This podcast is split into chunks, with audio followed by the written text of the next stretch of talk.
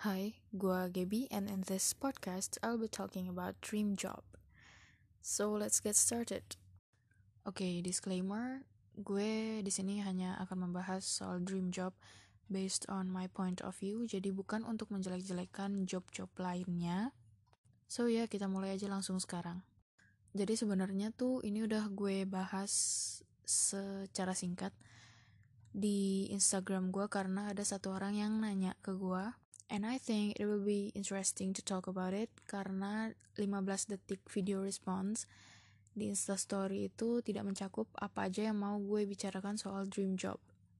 Oke, okay, so dream job yang gue maksud adalah pekerjaan di mana gue melakukannya dengan happy tapi serius, but also gue bisa mendapat profit dan gue bisa memberikan orang profit.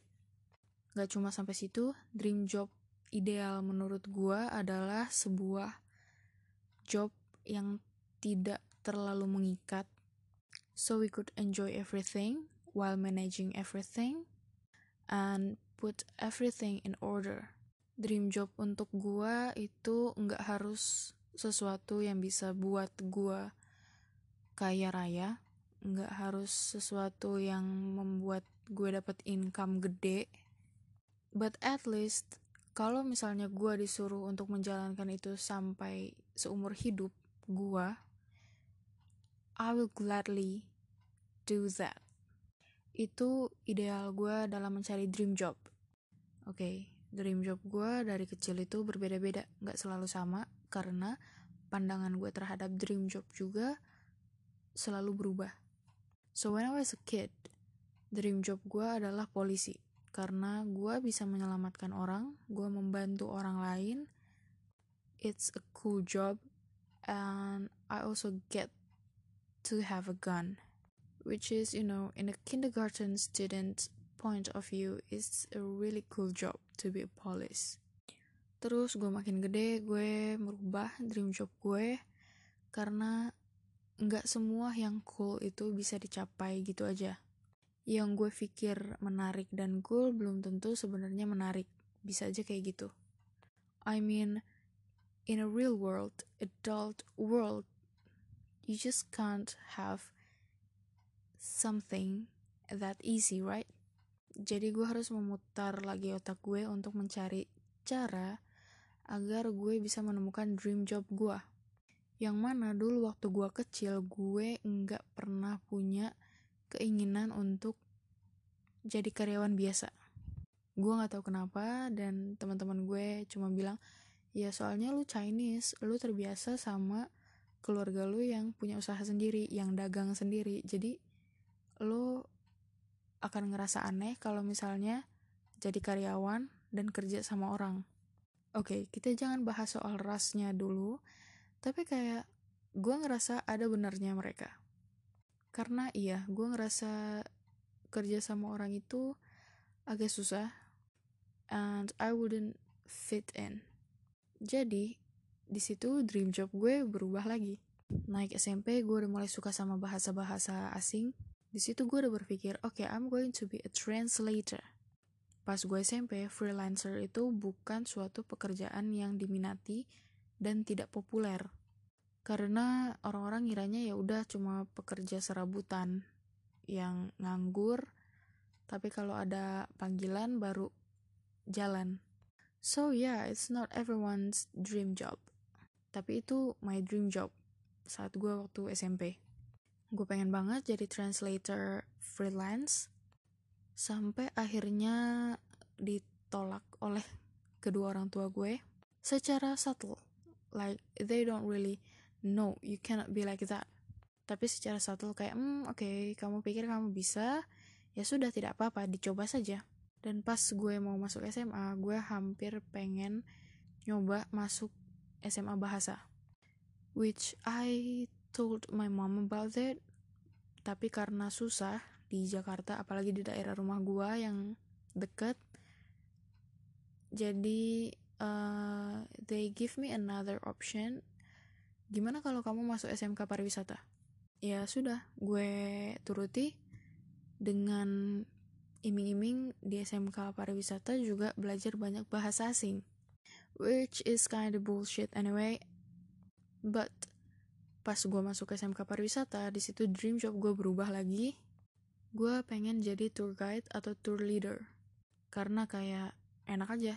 Dan gue ngerti soal tourism so yeah I was really confident but then again gue merubah dream job gue karena gue masuk ke salah satu universitas di luar kota And here is the beginning of where the things got messy.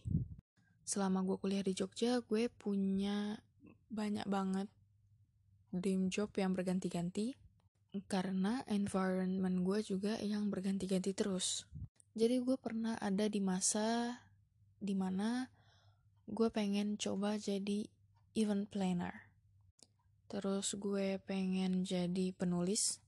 And to be honest, menjadi penulis adalah dream job terlama gue kayak even though gue ngomong gue pengen jadi translator apa segala macam gue selalu menyempilkan gue pengen jadi penulis and you guess it everyone laughed about it people really made fun of me and my obsession about writing something writing stories karena ya balik lagi bahasa Indonesia gue tidak bagus jadi mereka sangat-sangat skeptikal dengan keinginan gue yang ingin jadi penulis. So, I became one. Just to piss them off. Not really. It's all because of my readers. They want me to publish a book, so I did publish one. But yeah, other than that, I just want to piss them off menjadi penulis juga nggak sampai berhenti di sana. Gue nggak pernah ninggalin nulis dari akhirnya gue balik dari hiatus 2017 sampai sekarang gue nggak pernah ninggalin nulis. So I did other thing while I write, which is really tiring. Dan setelah gue mulai fokus ke skripsi dan tugas akhir dan mulai menuju untuk lulus, my ideal dream job starts to change again. Karena sudah bertemu dengan banyak banget orang di sana, gue jadi semakin berpikir tidak untuk profit aja. I mean, dream job is not only to make profit. Yes, of course, it's to make profit because it's a job, but that's not the only point. Gue ngerasain gelombang pertama corona itu pas gue udah di Jogja. Sampai gue gak bisa balik ke Jakarta karena corona. Gue ngerasain semua. Di situ dream job gue berubah banget. Gue jadi kayak, okay, this is not only for me. My ideal dream job is not only for me. Jadi, I do have some close friends and I don't know why. All of them just start to talk about making a business with me together.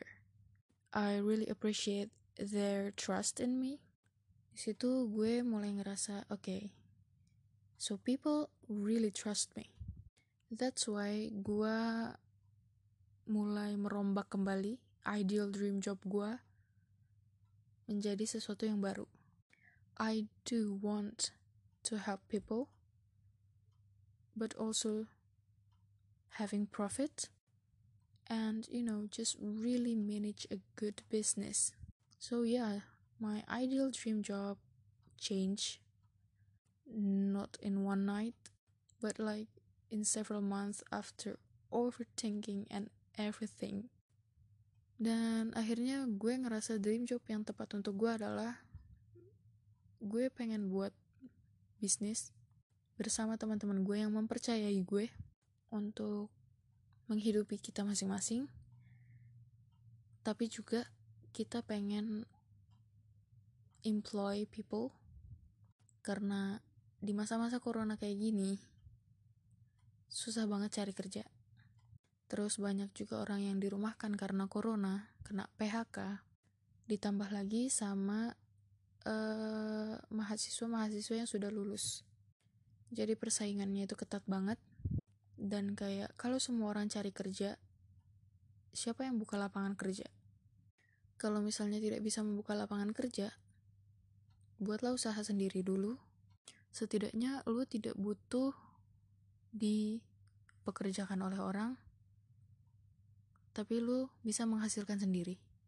Now that I think about it gue rasa gue mengalami pendewasaan diri selama gue di Jogja kuliah kena pandemi ngurusin skripsi segala macam sampai lulus. So it changed my mindset a bit and how I look at something differently from others point of view and how I remake my ideals inside my head jadi gue gak akan bilang kalau misalnya gue bimbang, gue gak punya pendirian, tapi gue cuma punya standar ideal yang berbeda-beda. Standar ideal gue selalu berkembang, dan gue berusaha membuat itu menjadi lebih baik dari sebelumnya. So, I guess I'll end this podcast here. Thank you for listening.